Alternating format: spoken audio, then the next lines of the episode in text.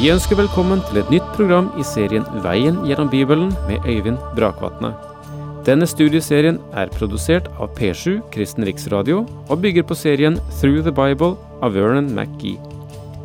I dag fortsetter vi med gjennomgangen av andre Mosebok.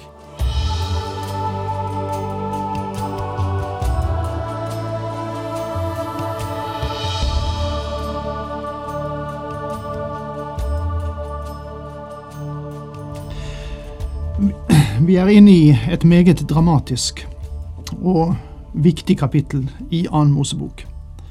Og det er om påskefesten det dreier seg. Og eh, du kan bare ane mellom linjene her, og du kan forestille deg det, håper jeg, den spenning som gjorde seg gjeldende eh, når tiden nærmet seg at uttoget skulle finne sted. Det var sikkert både tro og tvil blandet, både gråt og glede. Skal det lykkes denne gangen? Og de hadde slitt i eh, generasjon efter generasjon i slaveri, og nå skulle de bli et fritt folk, et nytt folk, et folk på vandring, et gudsfolk, et gjenløst folk. Ja, alt dette ligger i denne innstiftelse av påskefesten og i denne dramatiske natten det er nå snakk om. Og eh, du må bare tenke deg selve situasjonen og prøve å føle noe av den selv også.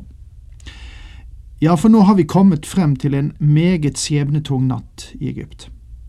Den siste plage er i ferd med å senke seg over folket. Israelittene i Gosen ble spart under de siste tre plagene, og Guds folk ble fridd fra dom. Men de var ikke gjenløst. Men nå skal de forløses og vise sin tro på blodet. Og så går vi inn i Annen Mosebok, kapittel 12, vers 5 osv., og, og der står det slik. Det må være et års gammelt, lyteløst værlam. Istedenfor et lam kan dere også ta et kje. Dere skal ta vare på det til den fjortende dagen i denne måneden. Da skal hele Israels menighet slakte det straks solen har gått ned. Dette skriftavsnittet er ganske interessant. Legg merke til at hver familie hadde et lam. Tusener av lam må ha blitt drept den kvelden. Men i det sjette verset står det da skal hele Israels menighet slakte det straks solen har gått ned. Disse mange lammene talte om et annet lam. Gud så på alle disse lammene som det ene lam, Jesus Kristus, som var påskeofferet for oss. Denne festen pekte på Jesu Kristi komme til verden. Så skal de ta noe av blodet og stryke det på de to dørstolpene og dørbjelken i de husene hvor de spiser det. Israelsfolket skulle stryke blodet av lammet på utsiden av sine hjem, over og på siden av dørene. Når han så blodet, ville dødsengelen gå forbi det huset. Jeg tror det er et bilde her som vil gi svar på et spørsmål som stilles mange ganger. Hva vil hende med de små barna til troende ved den tiden at bortrykkelsen skjer? Om små barn er hjemme når Herren kommer for å hente sine egne, vil han da ta mor og far og la disse små være alene? Dette kapitlet viser oss at Gud ikke vil forlate de unge og la dem være alene. I hjemmet spiser familien de spiser lammet, og ved tro har de del i Kristus. Barna vet ikke hva som finner sted. Vil de bli tilbake i Egypt når Israel forlater landet? Om en liten ennå ikke har nådd alderen at det kan trekkes til ansvar, vil det da bli drept?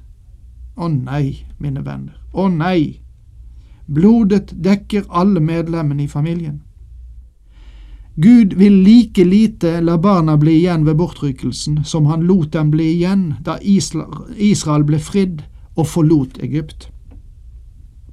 Og kjøttet skal de spise samme natten. De skal steke det på ilden og spise det med usyrede brød og bitre urter.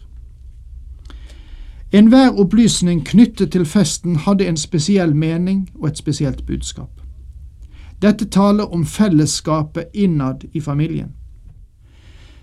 Familien gikk inn i påskefeiringen sammen. Og jeg drister meg til en påstand nå som kanskje vil gi opphetede reaksjoner, men det får så være. I dag, i våre organiserte menigheter, har vi de minste barna på ett sted, større barn på et annet sted og ungdommene på et tredje sted. Kan du høre Moses si til Israel at de skal samle alle under sju år på ett sted, alle mellom sju og tolv på et annet sted og alle tenåringer på et tredje sted? Får jeg si at en mengde barn ville vært samlet ved uttoget den natten om det skulle vært slik. Feiringen av påskefesten var en familiesak. Og jeg er redd for at vi av og til i våre menigheter, både innenfor statskirke og frikirke, gjør oss skyldig i å splitte familier for mye. Familier skulle være sammen i kirken. Jeg ser selvfølgelig fordelene og nødvendigheten av et differensiert menighetsarbeid, men vi må ikke unødig skille ad aldersgruppene. Dere som er eldre, må ikke ergre dere over barna i Guds forsamling. Og dere som har barn, må ta dem med og tidlig lære dem å vise respekt for forkynnelse og andre som er til stede i kirken for å høre hva Gud vil si. For det er vel derfor vi kommer, er det ikke det da? Vi blir også fortalt i dette verset at de skulle ete lammekjøttet ristet over ilden. Ild taler om dom. Det må være dom over synden. De skulle ete lammet med usyrede brød. Surdeig taler om synd, og usyret brød taler om Kristus som den ene som vi skal hente vår åndelige næring fra. De skulle også i måltidet ha med bitre urter. Selv om det er forskjellige tydninger knyttet til urtene, så tror jeg at det i denne sammenheng betyr at våre erfaringer ikke alltid vil være behagelige. Urtene taler om lidelse og smerte, og nå vender Gud alt sitt skyts mot Egypts avguder. Men blodet skal være det merket som viser hvilke hus dere er i. Når jeg ser blodet, vil jeg gå forbi. Ikke noe ødeleggende slag skal ramme dere når jeg slår Egypt. Israelittene ble ikke frelst fordi de var av Abrahams ett. Om egypterne hadde adlydt Guds ordre, så ville de også blitt frelst. Gud sa, Når jeg ser blodet, vil jeg gå forbi.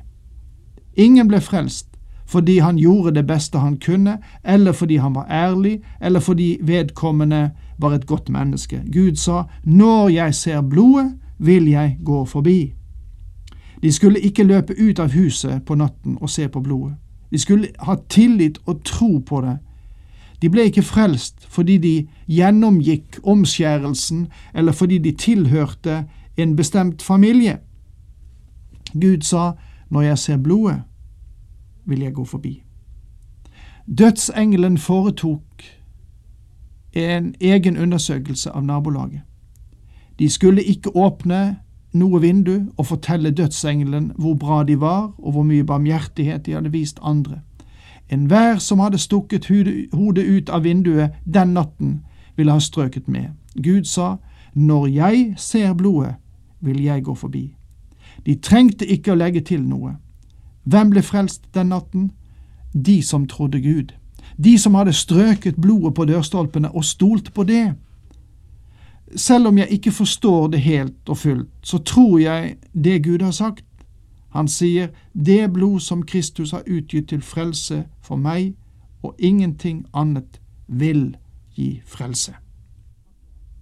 Gud sa at når han så blodet, ville han gå forbi det hjemmet. Blodet var ikke et tegn på mystikk og overtro. Et bærende prinsipp løper gjennom hele Guds ord og sier at uten at blod blir utgitt, er det ingen tilgivelse for synder. Med andre ord, Gud kan ikke vilkårlig og av misforstått romslighet lukke øynene for synd uten å gjøre noe med dem mer enn en dommer kan gjøre i dag når en som er skyldig, blir ført frem for ham. Dommeren skal tillempe loven på den skyldige, og straff skal utmåles og fullbyrdes. Guds lov er ukrenkelig i universet. Den sjel som synder, skal dø. Denne dom hviler over oss alle, men Gud er nådig, og en hvis liv er uskyldig, kan settes i stedet for den skyldige. Før Kristus kom, var det et lam. Deretter var Jesus Guds lam som bærer verdens synd. Om vi tar imot Kristus, blir vi frelst fra den dom vi fortjener som syndere. Og denne natten i Egypt ble det en dødsforklaring for hver førstefødte i hvert hjem som ikke var beskyttet av blod. Det å stryke blodet på dørstolpen og på dørbjelken var et tegn på tro, ser du. Det svarer til tilegnelsen av en personlig tro på Kristus. Deretter fulgte påskefesten. Påske betyr egentlig å gå forbi. I tredje Mosebok finner vi forordninger for påskefesten og for de usyrede brøds høytid, som faktisk var en del av den, men som fant sted etter påskefesten.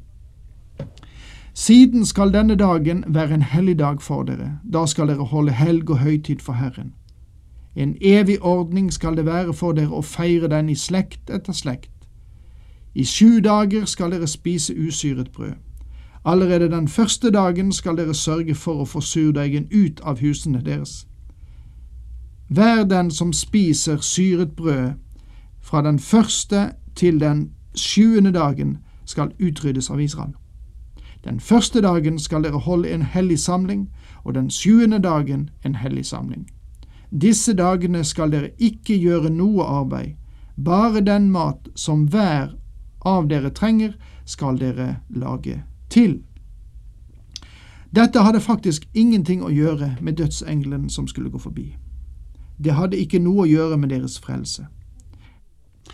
Dette er et fellesskapsmåltid for dem som finnes i et hjem.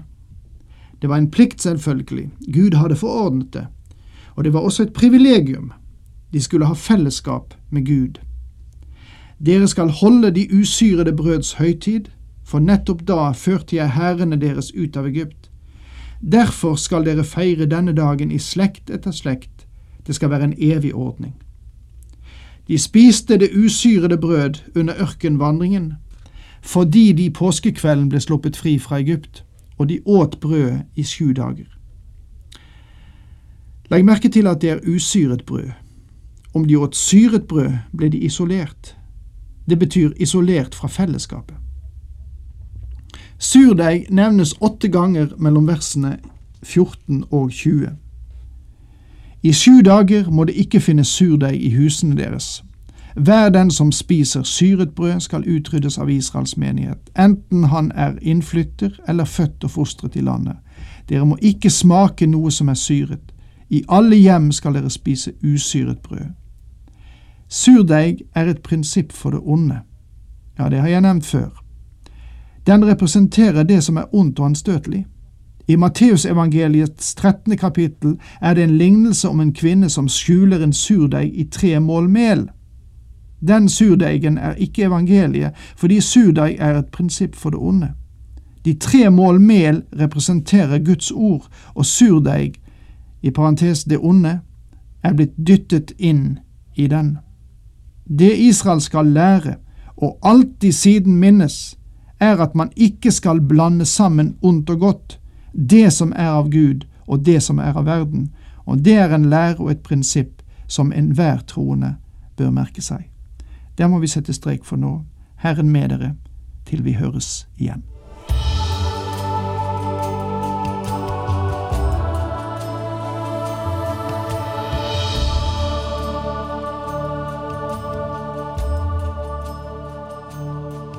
Du hørte Øyvind Brakvatne i studieserien Veien gjennom Bibelen.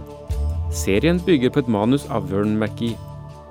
Har du spørsmål eller kommentarer til programmet, kan du sende en e-post til vgb krøllalfa p7.no.